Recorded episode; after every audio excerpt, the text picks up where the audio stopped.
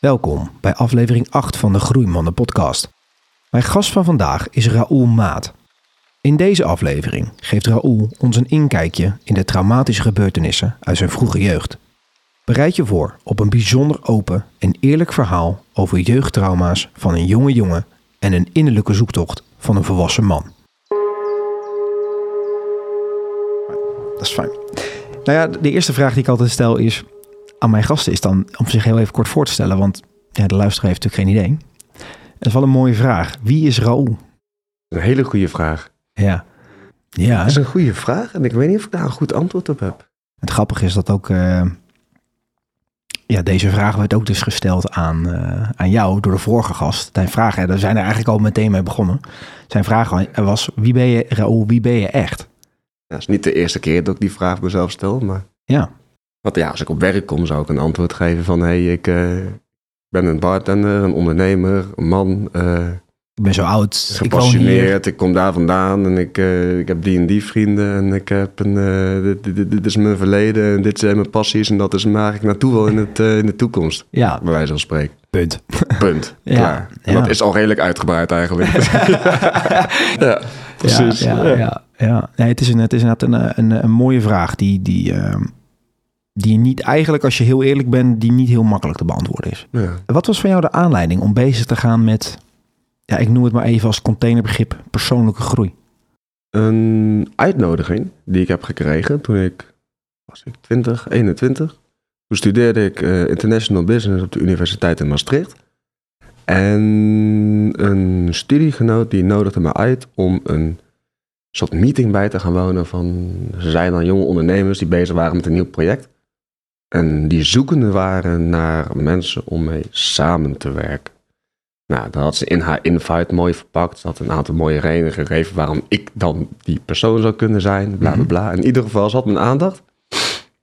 En um, vooral ook toen ze zei dat het ondernemers waren die op een bewuste manier proberen om te gaan met zichzelf en met een ander. En dat het begrip persoonlijke ontwikkeling daar een heel hoog, een hoge waarde had in hun uh, manier van werken. Oké. Okay.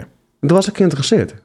Ik weet niet hoe, hoe, hoe, jij was toen je 21 was, maar ik was redelijk bleu. Ik uh, ja, moet nog even zo te, te zeggen. Ik uh, was bijna elke dag dronken. En het was gezellig. Echt een feestbeest. Alleen maar uitgaan. Elke dag was er een ander stapavondje. En uh, vrienden, ouwe hoeren, drank. Af en toe een pilletje erbij. Achter de vrouwen aan. Um, stoere verhalen. Volgende dag niks meer herinneren. Dat, oh, dit klinkt totaal niet soort, bekend. Dat soort dingen. Ja, zoeken ja. naar jezelf op de, op de plekken waar je het nooit gaat vinden, denk ik. En dat, oh, uh... dat, is ook een mooie uitspraak, ja. Ja. ja, ja. ja. En toen? Ja, dat was ook nodig. Want ik denk op een gegeven moment voelde ik me heel leeg van binnen. Ook al kreeg ik waardering en waar ik, als ik er ook bij was, er was gelijk positiviteit en over het gezellig en wat heb je meegemaakt, of wat is er gebeurd en verhalen en je hebt een mooie vrouw en, en gingen we daar mee aan de slag. Het was constante afleiding, afleiding, afleiding. Maar diep van binnen was ik ergens naar op zoek en ik wist niet wat. Maar het was wel een diep gevoel van leegte. En waar kwam die leegte vandaan? Daar heb ik nog steeds geen eenduidig antwoord op. Maar wel wat bevindingen in de tussentijd in ieder geval, ja. Oké. Okay. Hmm, waar die leegte vandaan komt. Ja, want, laat ik het zo zeggen. Als je dan kijkt naar mijn eigen proces, dan kwam een deel van de leegte ook uit waar, waar, waar je bent opgegroeid, je, je jeugd. Is het, heeft het bij, bij jou daar ook zijn oorsprong gevonden?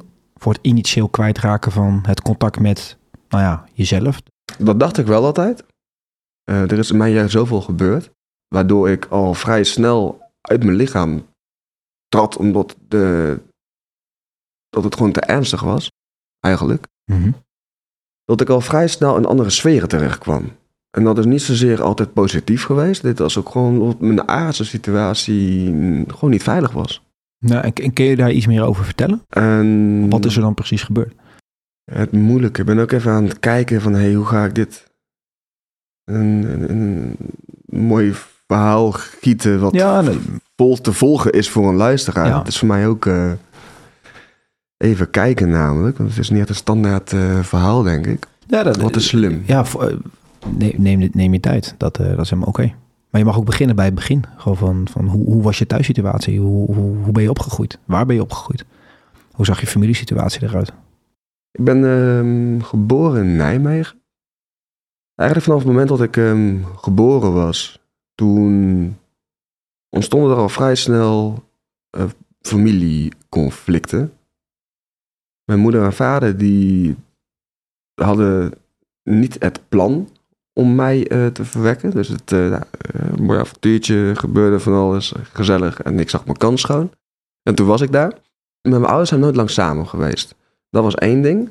En eigenlijk kwam vanaf mijn geboorte, kwam mijn moeder al vrij snel in bepaalde, vanuit haar eigen pijnpunten en trauma ook, wil ik er graag bij zeggen, in een soort waan-illusiewereld terecht. Waarin nou, ze mij natuurlijk meenam.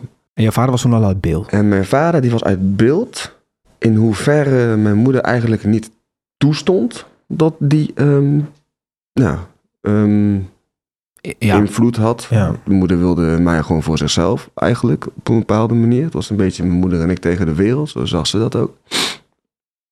En daarbij hield ze de betrekking tot de rest van de familie en mijn vader hield ze af. Dus je zou kunnen zien dat de eerste paar jaren was het echt mijn moeder en ik.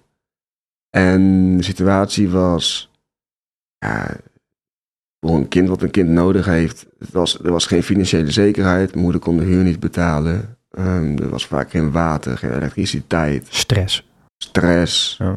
Onveiligheid. Onveiligheid. Veel zorgen. En, en die zorgen die voelde je dan bij je moeder?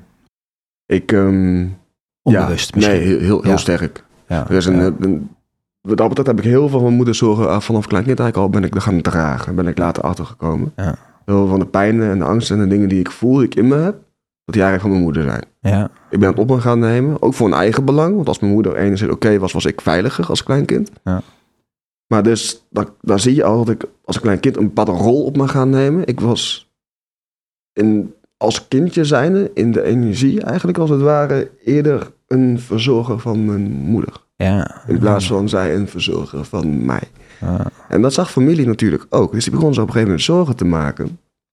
Maar hoe meer zorgen er eigenlijk over mijn moeder. ehm, zij zag het als een af. Hoe zeg je dat? Als, als een afwijzing. Van, oh, ik ben dus niet goed genoeg. Ah. En ze nam dus echt niet aan. Ze stond totaal niet open voor kritiek of hulp of welke vorm dan ook. Nee, ze deed alles perfect. En eh, ik was een, eh, een blij, gelukkig kindje. Ja. En nu was ik ook altijd redelijk blij, want ik vond wel iets om mezelf mee te vermaken. Dat, ik had niet veel nodig om te lachen. Ehm, maar het was vooral familie die zich zorgen maakte. En ik denk ook wel terecht.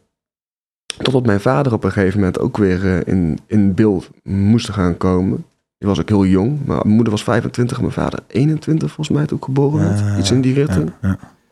Dus als ik kijk, jij hebt het net over gehad toen ik zelf 21 was. Ja, je weet het, ik was net bezig met uit mijn elke dag dronkenschap stappen en een keer een boek te gaan lezen over eh, nou, Ja. dingen die misschien interessant waren. Ja. Nou, stel je voor dat ik een kind op de wereld, daar was ik, zou ik zelf totaal niet klaar voor geweest zijn. Nee. En ik denk dat mijn vader het ook moeilijk, eh, moeilijk vond. Eén ook omdat, nou, mijn moeder, dat, dat schoot voor geen meter op. En wat moet je daar nou mee? Het boot wordt afgehouden, je bent te jong, je weet zelf niet wat je wil.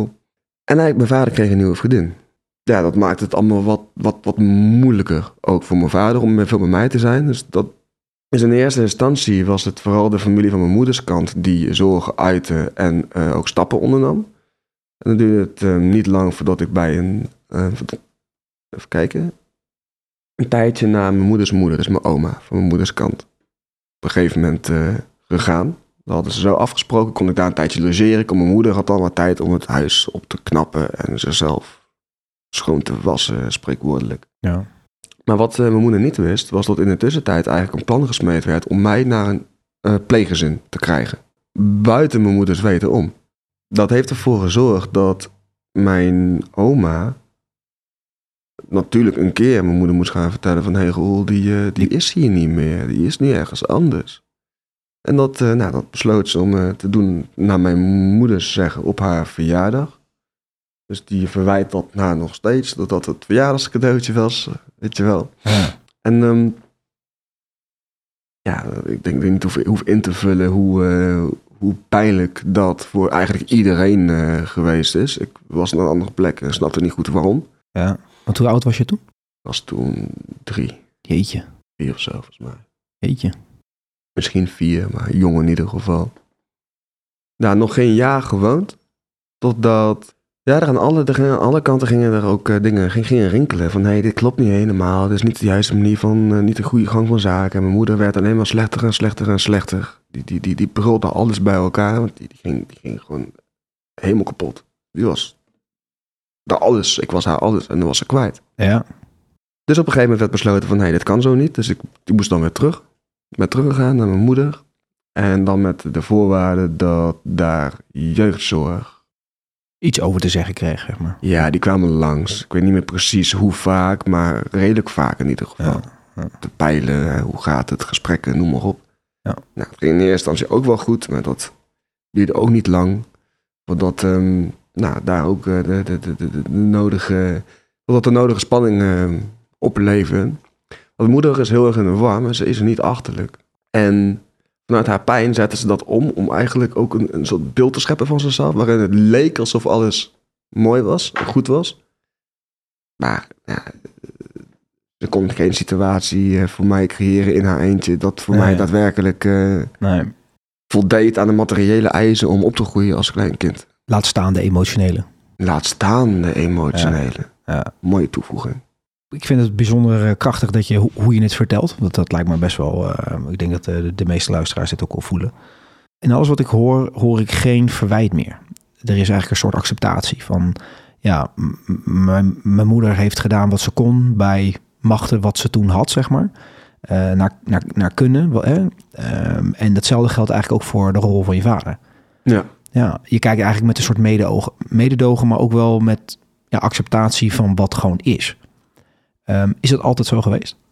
Of heeft dat ook moeten groeien? Heeft ook moeten groeien.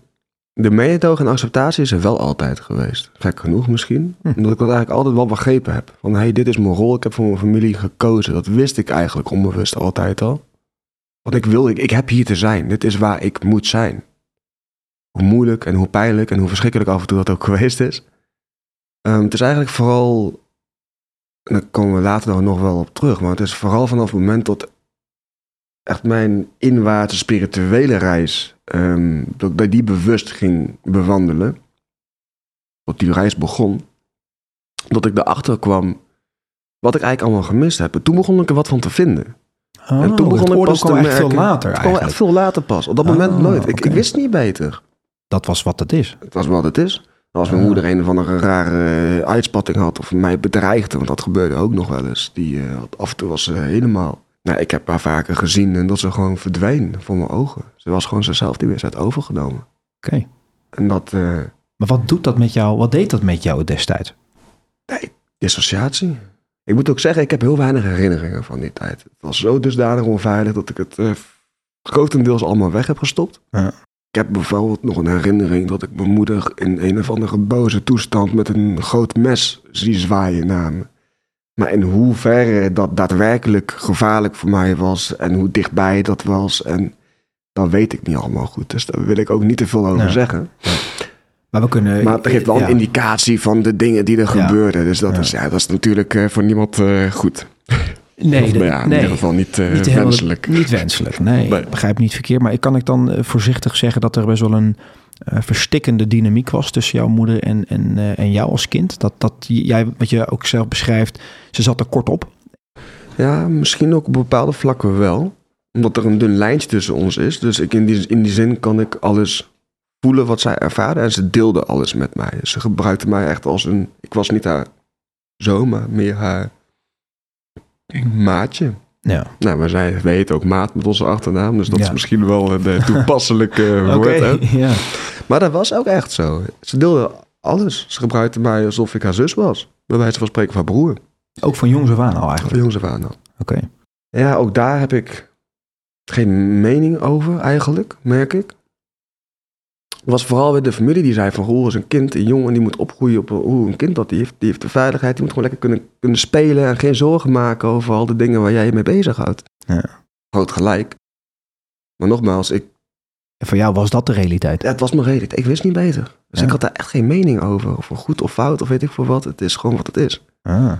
Ja, Als je daar nu op terugkijkt, eh, hoe heeft dat, je, hoe heeft dat jou gevormd? heel goed aanpassen. Aanvoelen van, hey, dit is wat wenselijk is in deze sfeer. En En hoe voeg ik kan, daarna. ik inderdaad mij daaraan voegen. Ja.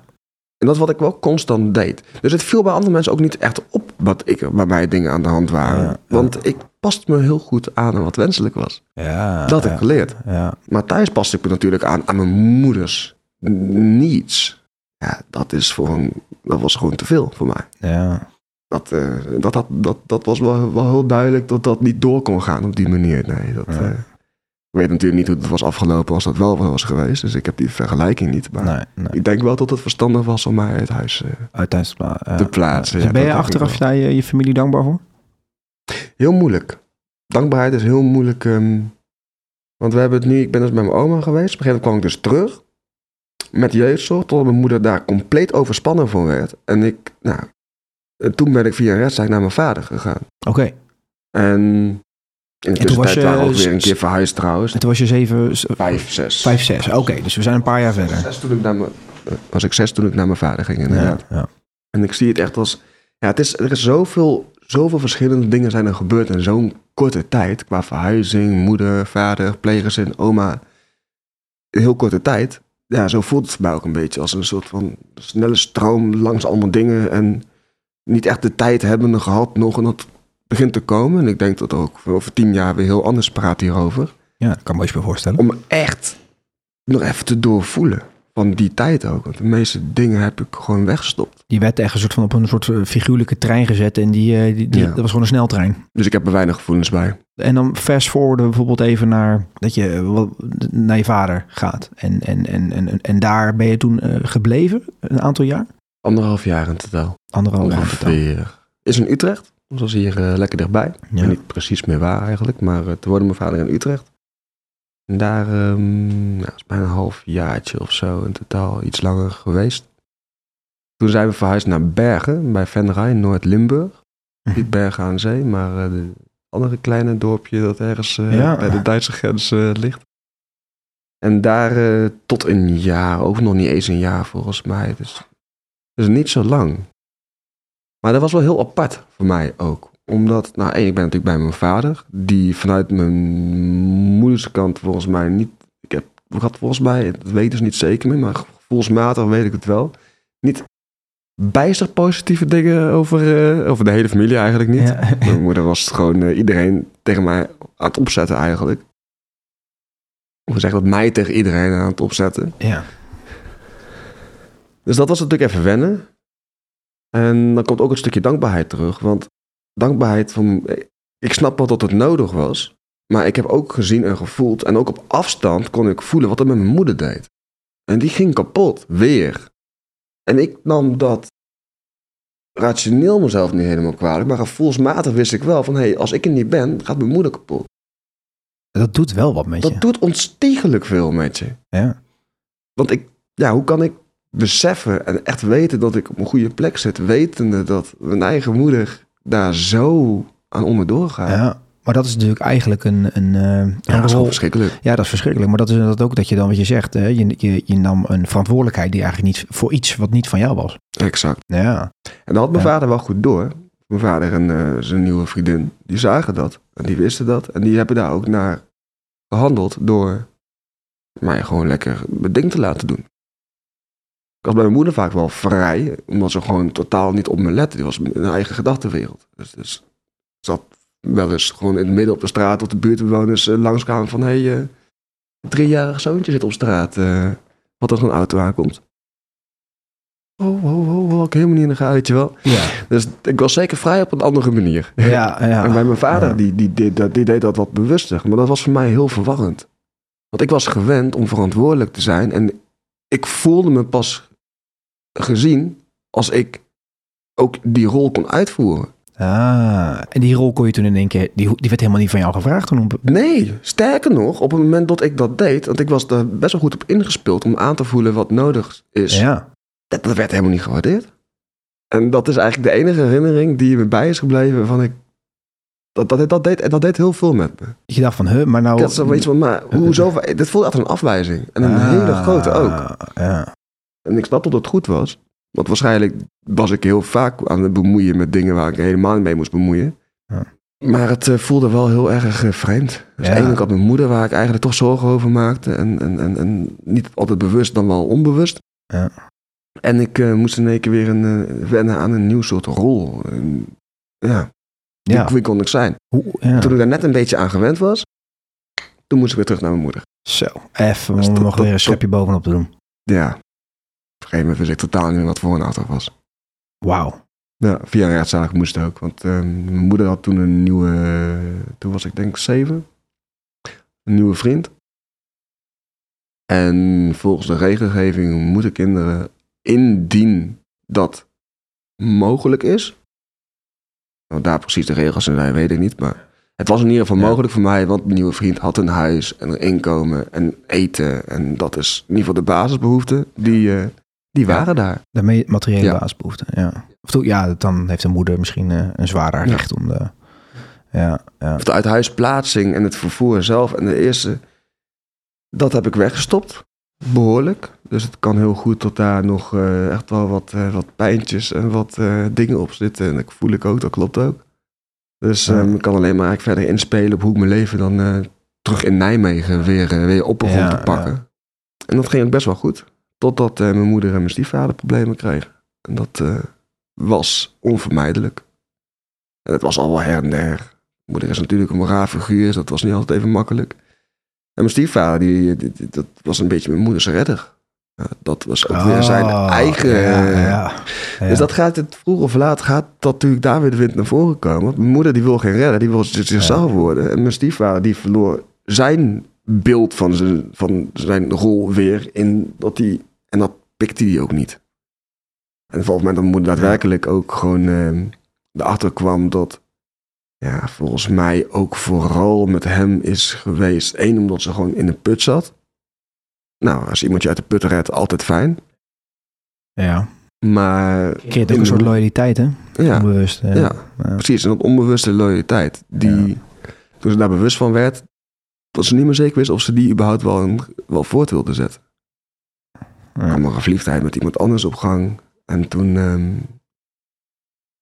toen kwamen alle ehm, duistere kanten van mijn stiefvader naar boven. En dat werd geprojecteerd op mij, voornamelijk. Ja, en, en wat, wat, wat, wat, wat gebeurde er daar toen? Heel verwarrend. Want mijn stiefvader die is echt een gever en een eindeloos enthousiasteling over de natuur ook. Ja, daar had ik echt een groot voorbeeld aan. Maar het kon ook compleet omslaan. Dat hij in een drift bij en nou, kan mensen wel eens kwaad zien, maar meestal verliezen ze zichzelf daar niet bij. Maar hij verloor zichzelf daarbij compleet. Zo'n agressie bij over je heen, dat is ja, on, onvoorstelbaar. En dat is gewoon, gewoon naar jou als kind, zeg maar. Naar mij, naar mijn moeder af en toe ook. Soms naar mijn broertjes ook, maar voornamelijk ik. Ik was natuurlijk niet zijn echte zoon en ik... eh, Ja, dat voelde ik ook. Hè. Je bent ergens gewoon een aanhangsel. En op het moment dat eh, tussen mij en mijn stiefvader niet goed is... Ik, ik wist van ja, als mijn stiefvader moeder uit huis schopt... dan, ja, Dan, wat gebeurt er dan, dan met mij? begint het hele Feest weer opnieuw. weer opnieuw. Wauw. Dus alle zorgen en twijfels en pijn en angsten kwamen allemaal weer naar boven. En toen eh, was ik een jaar of 12, 13. Daar zijn we nu. En eh nou, de nodige ehm, agressie bij, ook fysiek over mij heen gekregen. Vaak zat weggerend, trap op, deur dicht gesmeten. Als ik kon ontkomen, anders trok je me de trap af, kreeg ik stompen. Dat is, eh, Zo, ik heb behoorlijk veel klappen gekregen. zo. En nooit snappende waarom. Geen idee. Je weet het gewoon niet. Zo. Gewoon vanuit je er bent. Was al te veel. Dus, ehm ja, dat was ook geen, eh, was ook geen, was ook geen pretje. Zo, die komt wel even binnen. Ja. Ja. Dus ja, dat is, ehm ja, een momentje ook als je, als je het nodig hebt. ja. Ik heb regelmatig eh, dit soort gesprekken met mensen, maar er blijven sommige dingen gewoon eh, ja, moeilijk te bevatten. Ja, dat, dat, daar blijf ik niet, hoe zeg je dat? Ja, ik, ik zou liegen als, het, als dit verhaal mij niet raakt. Ja. Maar terug naar jou. Ja, op een gegeven moment was ik 13. En tussentijd had ik, ik eh, aan die kant twee broertjes gekregen. En dat ehm, was voor mij heel fijn. Omdat ik daar ook weer een stukje van mijn deel van mij. Ik ben ook wel iemand die me, ik, ik ontferm me graag over. Ik, op een bepaalde manier zorg ik graag. Ik zorg graag voor. Ik provide graag voor. Dat is deel in mij. Ik vind het heel fijn om iets te kunnen betekenen voor een ander. En toen ik broertjes kreeg bij mijn moeder, want daar woonde ik, dus daar ging ik natuurlijk mee om. Toen kon dat. Ja, dat kon. Ja. En ook daarin ga ik dan weer een bepaalde rol aannemen die misschien niet helemaal eh, hoort, maar daar ook geen afkeur verder op. Want ik was broer en af en toe misschien een beetje moeder, en een beetje vader en Ja. ook vriend tegelijkertijd, als je een beetje snapt wat ik bedoel. ja. Nou, daar heb ik verder helemaal geen mening over. Dat is gewoon hoe het gegaan is en dat is prima. Totdat ik op een gegeven moment thuis kwam van school en ik deed de deur open. Ja. was letterlijk een. alsof er een. Ik werd overweldigd door een gigantisch zwaar beladen negatieve wolk van energie. Die kwam de woorden uitzetten Ja, bijna. het kwam echt de voordeur uit en ik werd er om, half door omver geblazen. Dat was echt geen grap. Ik was compleet. Ik, stapte naar achter, ik viel half om en dacht, what the fuck is hier aan de hand? En het was zo overweldigend. Ik liep naar binnen en ik merk, hier is iets heel goed fout. Totaal niet veilig. Ik wist, hier is iets goed, goed misgegaan. Maar ik wist niet wat. Dus ik loop binnen in de zwaarte. Het voelt alsof ik gewoon aan je getrokken word, bekneld word. Alsof de zwaartekracht met keer tien toeneemt. Zo, zo voelt het, zeg maar. Ik doe de voordeur open en ik zie mijn moeder op de stoel zitten. Voor de uitkijkende in, weet ik voor welke wereld ze zat. Ook geen idee van dat ik überhaupt binnenkwam. Dat was gewoon compleet een eigen wereld. En ik, eh, ik wilde weten wat er in vredesnaam aan de hand was. Ik denk, wat voel ik hier? Wat gebeurt hier? Wat is er gebeurd? En mijn moeder zei, nee, niks, niks, alles goed. Op een gegeven moment had ik een beetje wakker geschud. Nee, nee, nee. En je was toen 14? Toen was ik 12, 12. 13. 12, 13. En toen? En toen, ehm, nou, op een gegeven moment kreeg ik haar aan het, eh, toch aan het praten. En toen gaf ze toe dat er daadwerkelijk wel iets aan de hand was. Dacht, nou, de, zeg het dan maar gewoon. Ja, ik heb het ja. overduidelijk voelbaar. Ja. Nou, toen zei ze, zij en, eh, en Willy dan, hebben ruzie gehad. Willy is dan mijn stiefvader. Heel erg uit de hand gelopen. Nou, wat precies is gezegd en gebeurd, weet ik niet. Maar het Dat ging, is- ging er fel op, blijkbaar. Gevoelsmatig voelde je het al bij de brievenbus, zeg maar. Ja, inderdaad. Ja. Ja. Op dat moment zei ze van, nee, we zijn uit elkaar. Is klaar. Maar toen verloor ik mezelf. Toen ben ik naar een vriend gegaan, een paar dagen gelogeerd daar. Die zei tegen mij van, eh, hey, als het echt nodig is kun je hier blijven. Je, hoeft, eh, je ga- gaat niet weg uit Nijmegen, geen zorgen, je blijft hier. Toen was ik volgens mij 13, 14 en toen begon het, ehm, nou, toen begon alcohol interessant te klinken. Ja. En toen begon eh, de jointjes ook wel interessant te klinken. Ja. Het was best wel goed te proeven allemaal. Ja, ja, ja, ja. Ja, toen kwam ik achter dat mijn vrienden dronken werden na twee bieren. En dat ik een hele sixpack nodig had om mijn mindset plat te leggen, zeg maar. Dus dat ging ook al vrij snel heel veel. Al vrij snel had ik gewoon twee sixpacks op een avond dronken op mijn vijftiende. En, en dan nog de, de, de nodige blootjes erbij. Dus eh, ja, dat, Om eh, te verdoven. het verdovende leven werd een uitvlucht. En dan komen we denk ik terug naar het, op het moment dat ik 20, 21 was. Dat heeft zo lang aangehouden. En ehm, het maf is dat de situatie thuis niet echt veranderde. Mijn moeder en stiefvader bleven samenwonen. Oké. Wat misschien heel goed is. Maar het zorgde wel voor een continu voortdurende spanning thuis. Want je voelt Dat continu dat er, iets, ja. dat er iets in de lucht hangt, zeg maar. Ja. Maar wat niet uitgesproken wordt. Dat. Ja, ja. En dat eh, heeft natuurlijk geleid tot eh, behoorlijk wat agressie bij ook. eh. Ja, ja. Dat, dat nam alleen maar toe. Oké. Ik kan me ook voorstellen dat op een gegeven moment dat jouw rol, naarmate je wat ouder werd, hè, dus 16, 17, op een gegeven moment word je ook wat groter, Mhm. ehm, dat in ieder geval de, de, de, het, het- de fysieke eh, agressie zich in ieder geval wat, ja, wat misschien min, minder werd. Naar mij toe bedoel je? Ja, dat, dat, dat, dat je iets meer met rust gelaten werd, maar dat vooral dan Nee. naar verbaal plaatste. Nee, dat, dat, dat, dat nam, nam niet af. Dan niet af. Nee. Nou, met, met fases, periodes al. Ja. Als, als, als, het thuis redelijk goed verliep en Dan was het oké. mensen waren blij, dan ehm ja, niks meer zorgen over te maken. En Ja. dan was ik ook gewoon beste vrienden met mijn stiefvader. Ja. En dat is een, een kant die ik zo fijn ook vond, dat ik ook geneigd was om de rest allemaal zonder erover na te denken van ja, oké, ja, amen, en het stroomt meteen weer weg en we kunnen weer door. Dus Ja. ik, ik, ik, ik, praatte er ook met niemand over. Niemand om me heen wist dat ik thuis geslagen werd. Ik hoefde maar, maar een bepaalde blik te trekken. En ik wist donders goed dat ik niks moest zeggen. Dan had de raper Taal, klootjong, kutjong, kijk eens naar je, bent niks waard. En dat blijft maar achter elkaar doorgaan. Dat hoor je dag in dag uit. Ja, dan... eh, Toen wist ik weer niet wie ik was. Dus de vraag wie ben je is een toepasselijke vraag Ja, om eh, mee te beginnen. Ja. Maar, Maar- ja, die, die daar maar eens, die, die, die daar überhaupt maar eens van te ventileren. ja. Ik denk dat ook de meeste luisteraars ook wel gevoel kunnen hebben van... dat is nogal wat.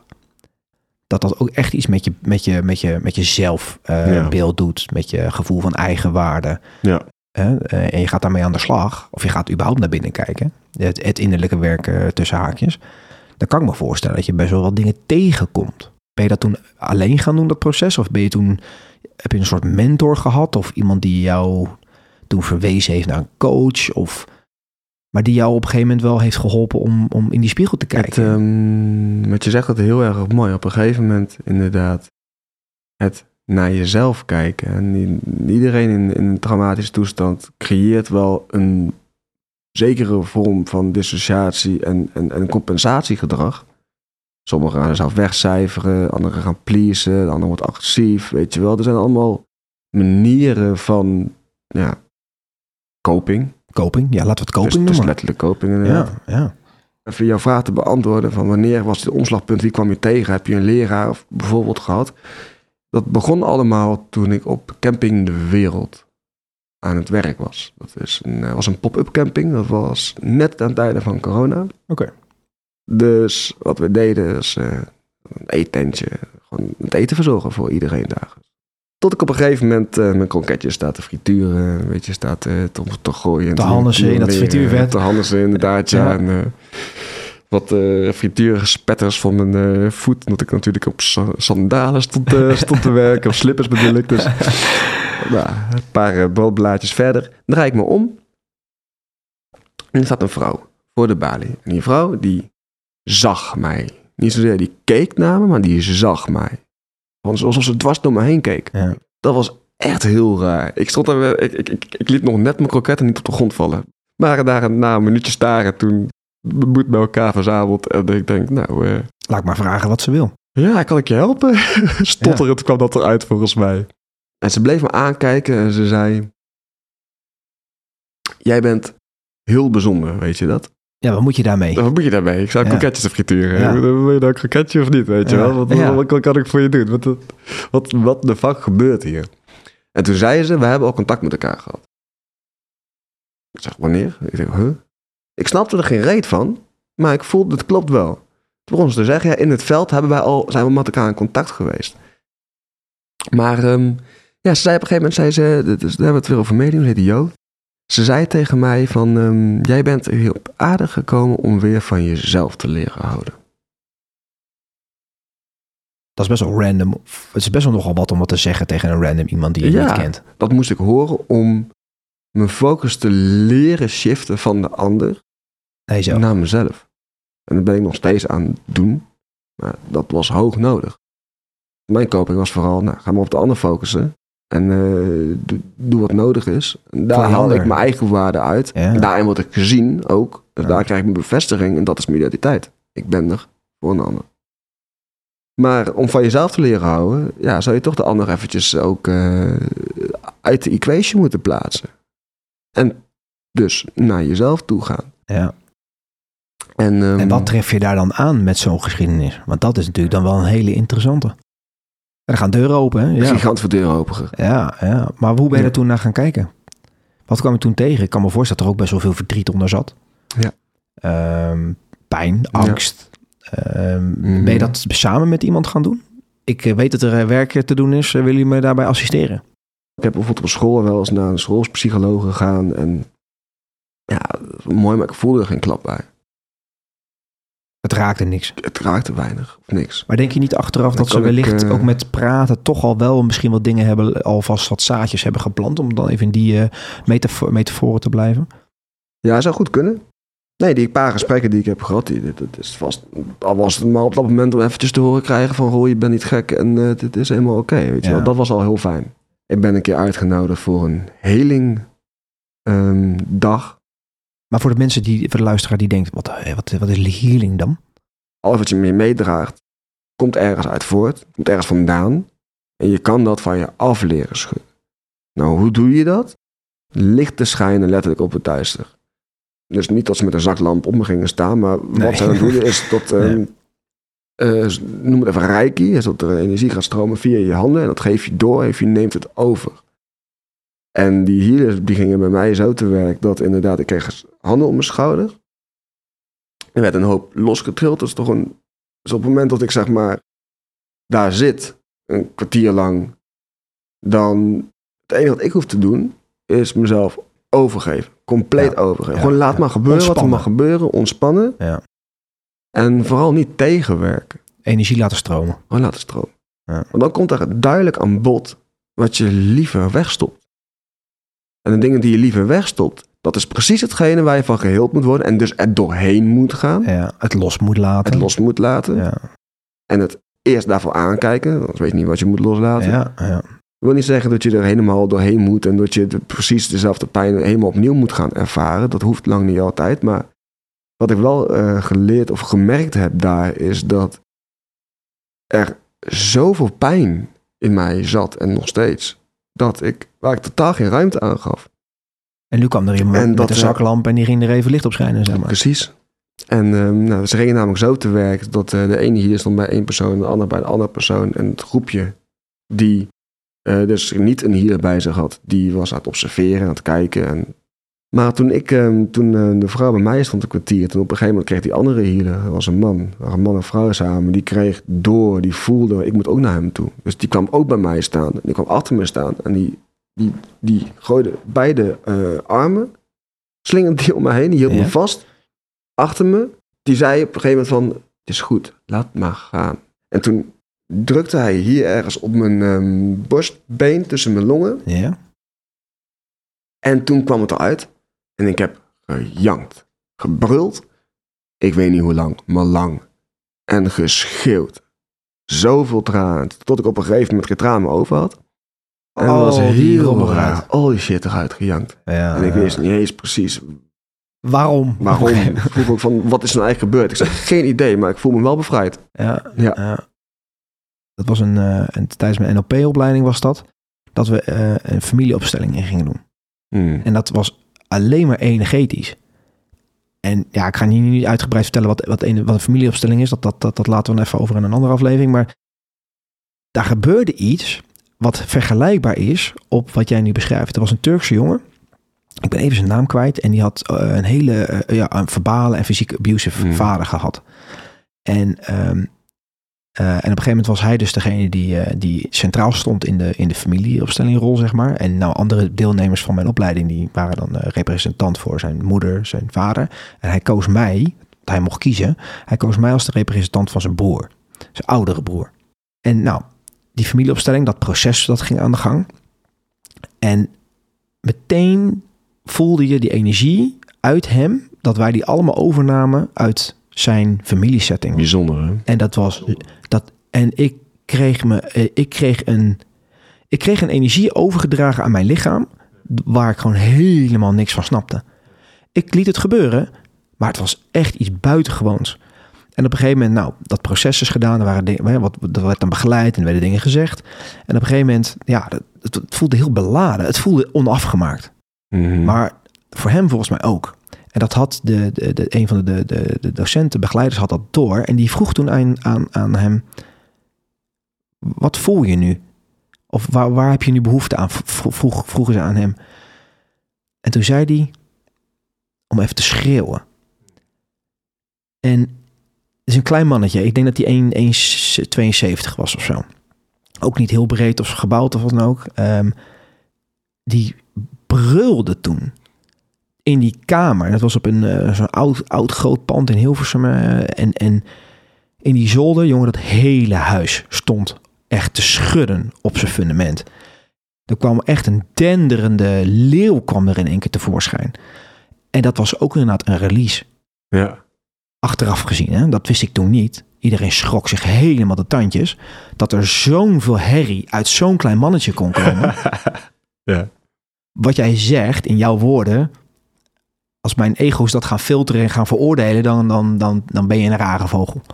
Ja. Maar gelukkig ben ik nu iets verder en ehm, ervaar ik op mijn eigen manier en met mijn eigen woorden ook vergelijkbare processen inderdaad. Van. En ik denk wat jij zegt, dat dat, dat het voor heel veel mensen eh, wel lastig is die mensen te vinden. Want ze zijn er gewoon niet zoveel die dit Mhm. goed snappen.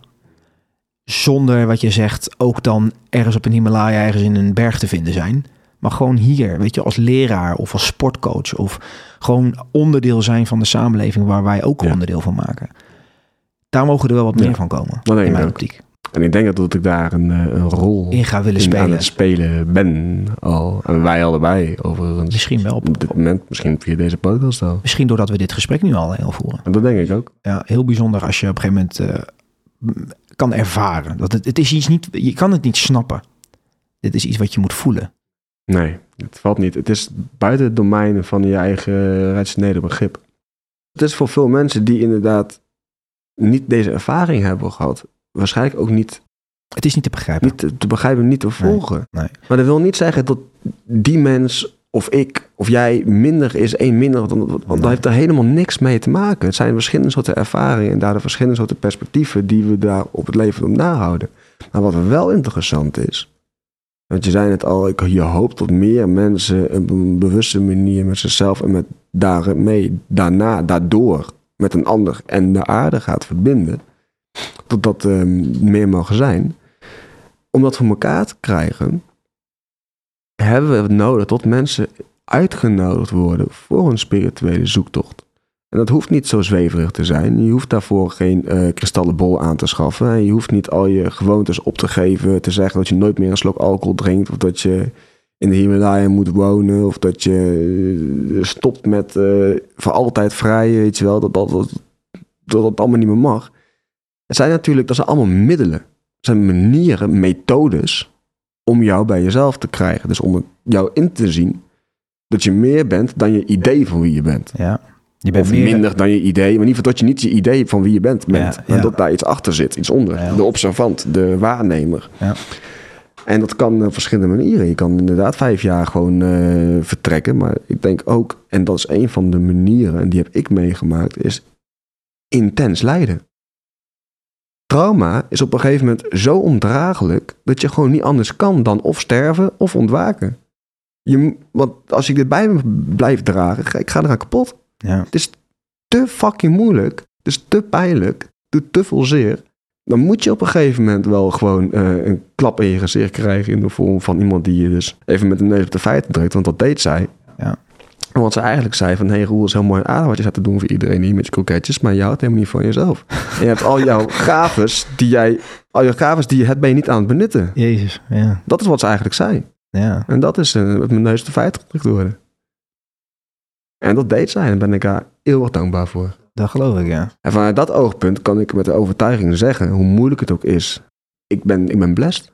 Met dit hele leven, alle, alle rare, nare dingen die ik heb meegemaakt, dat is mijn blessing geweest. En dan besef ik niet altijd even goed. En af en toe heb ik een dag, een nacht of een week dat ik gewoon mezelf zo ellendig voel dat ik het liefst gewoon af en toe wil sterven zelfs. Dat heb ik af en toe ook zeker meegemaakt.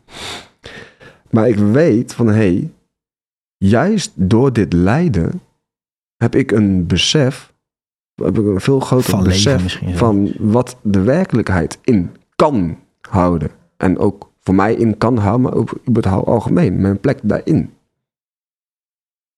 En ik denk dat dat een, eh, een heel, een, een heel mooi gegeven is om mee aan de slag te Dus gaan. daar ben je dan heel dankbaar voor, begrijp Daar ik. ben ik heel dankbaar voor. Ja. En dat, eh, ja, dat had niet anders, dat ik die dingen niet had meegemaakt, die ik heb meegemaakt, had dat ook niet zo kunnen zijn. Nee, dat is mooi.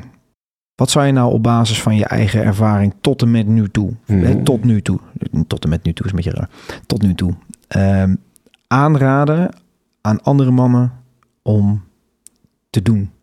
belangrijk is, is het jezelf weten aan te praten. En daarmee bedoel ik dat je erin gaat geloven dat er niks mis is met je essentie. Met niemand niet. Er is met niemand iets mis. Hoe in de waar je ook bent, hoe erg je aan jezelf twijfelt. Als iedereen tegen je zegt dat je niets nut bent, niks kan, noem maar op. En ik heb daar ervaring mee. Er is niks mis met niemands essentie niet. Mensen kunnen wel in de waar zijn. Dus dat de essentie niet kunnen vinden. En dat betekent inderdaad, op het moment dat je echt ervan overtuigd raakt dat er niks mis met je is. En niet vanuit een ego of vanuit grootspraak. Of dat je dan maar inderdaad van eh, een beetje uh, ja, stoer nep, door de wereld gaat nep lopen. ja. moet gaan doen en jezelf Ja. goed gaat vinden. Nee, dat is het, een ander uiterste, denk ik. Maar vanuit die basis kun je namelijk het vertrouwen en het geduld opwekken om te weten dat het wel ontvouwt voor jou. De antwoorden komen wel. En als je daar bewust mee aan de slag gaat, door te gaan mediteren, iedereen kan aanraden om dat dagelijks te doen. En als je geen tijd hebt, moet je dubbel zo vaak mediteren. moet je tijd maken. Ja. Dat is, echt- Ja. dat is een mooie uitspraak, vind ik persoonlijk. Ja. Een jongen die komt naar een zendmeester en die zendmeester zegt: hey, eh, je bent zo druk, je moet eh, een half uur per dag gaan mediteren. Waarop de jongen zegt: half uur per dag mediteren, ik heb daar helemaal geen tijd voor. Waarop de zendmeester zegt: in dat geval twee keer per dag een uur mediteren. je verstaat er helemaal niks van natuurlijk, Nee. maar dat is de hele clue. Want Ja, je gaat ja. tijd overhouden ja, als je bewust met jezelf aan de slag gaat. En dat kan via meditatie. ja, ja. Dus dat is, dat is eigenlijk een aanrader. Ja, mijn grootste tip is voor mensen dat gewoon het.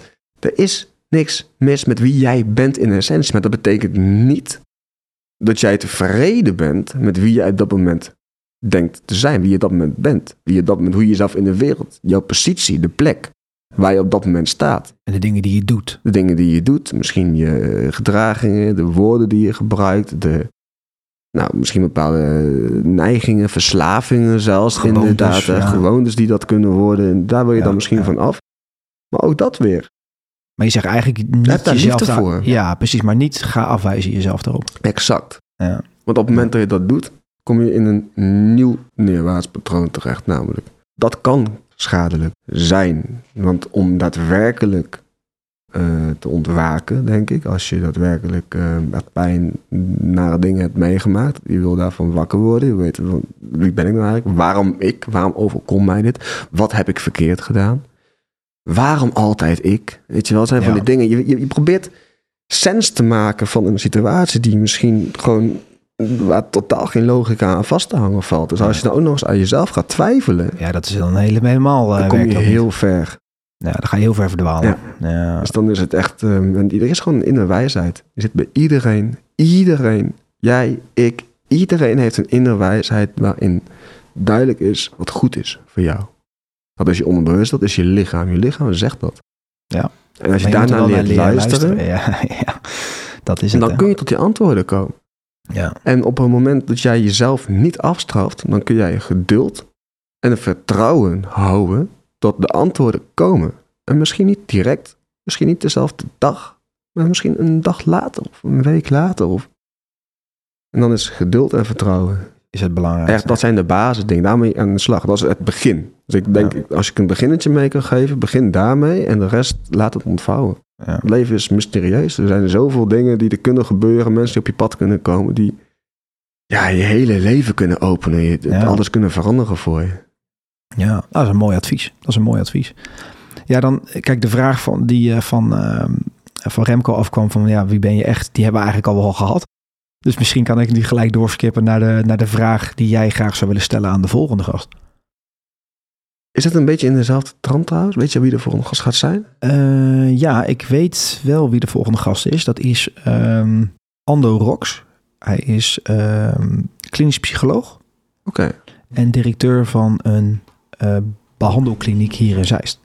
En hij heeft ook een, een behandelmethode eh, helpen, mede helpen Oké. schrijven, die, die, die in, de, ja, in de psychologie wordt toegepast. Dus het is iemand die ook wel eh, ja, het nodige in de werk eh, dan wel zelf heeft gedaan, Hmm. dan wel ook daar iets mee, mee kan. Dus misschien geeft dat een beetje context Ja. over wat je zou kunnen. Ja, je- Ja. ik- en hij houdt wel van een prikkelende vraag, denk ik, eh, hem zo kennende. Waar ik op kwam.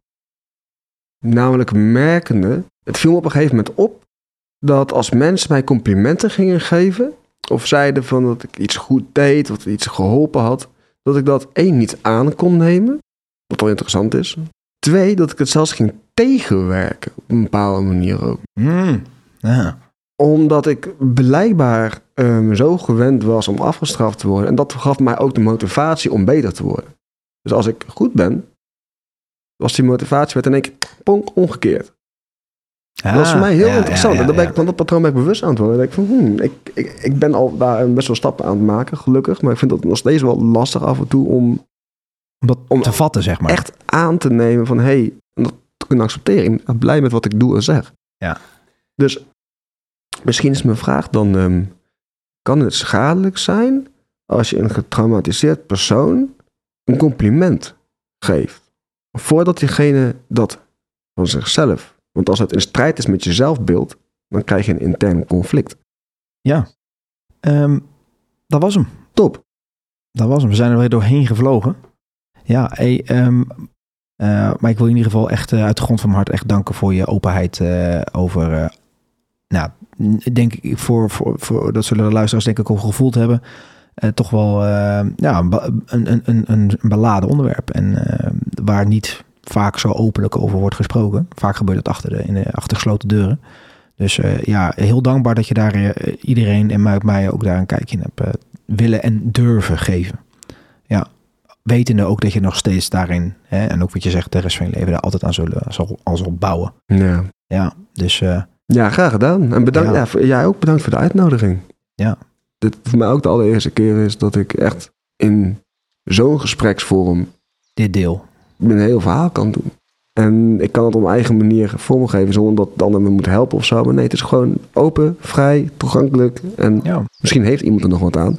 Dat geeft een, eh, ja, een hele andere bijsmaak. Dat eh, Ja. voelt voor mij... ehm, Ja.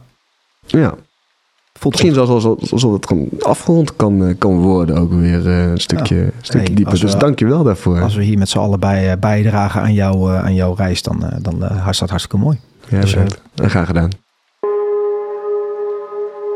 Het verhaal van Raoul laat zien wat voor invloed onze vroege jeugd heeft op ons heden en onze toekomst. Het laat ook zien dat als we een gelukkiger en vrijer leven willen leiden, we eerst volledig bereid moeten zijn om in onszelf te keren en onze diepste angsten en onzekerheden in de ogen aan te kijken. Dit was het voor deze aflevering. Wil je meer van dit soort verhalen beluisteren? Bekijk alle afleveringen op Spotify, Apple Podcast of via onze website groeimannen.nl. Tot de volgende keer, mannen.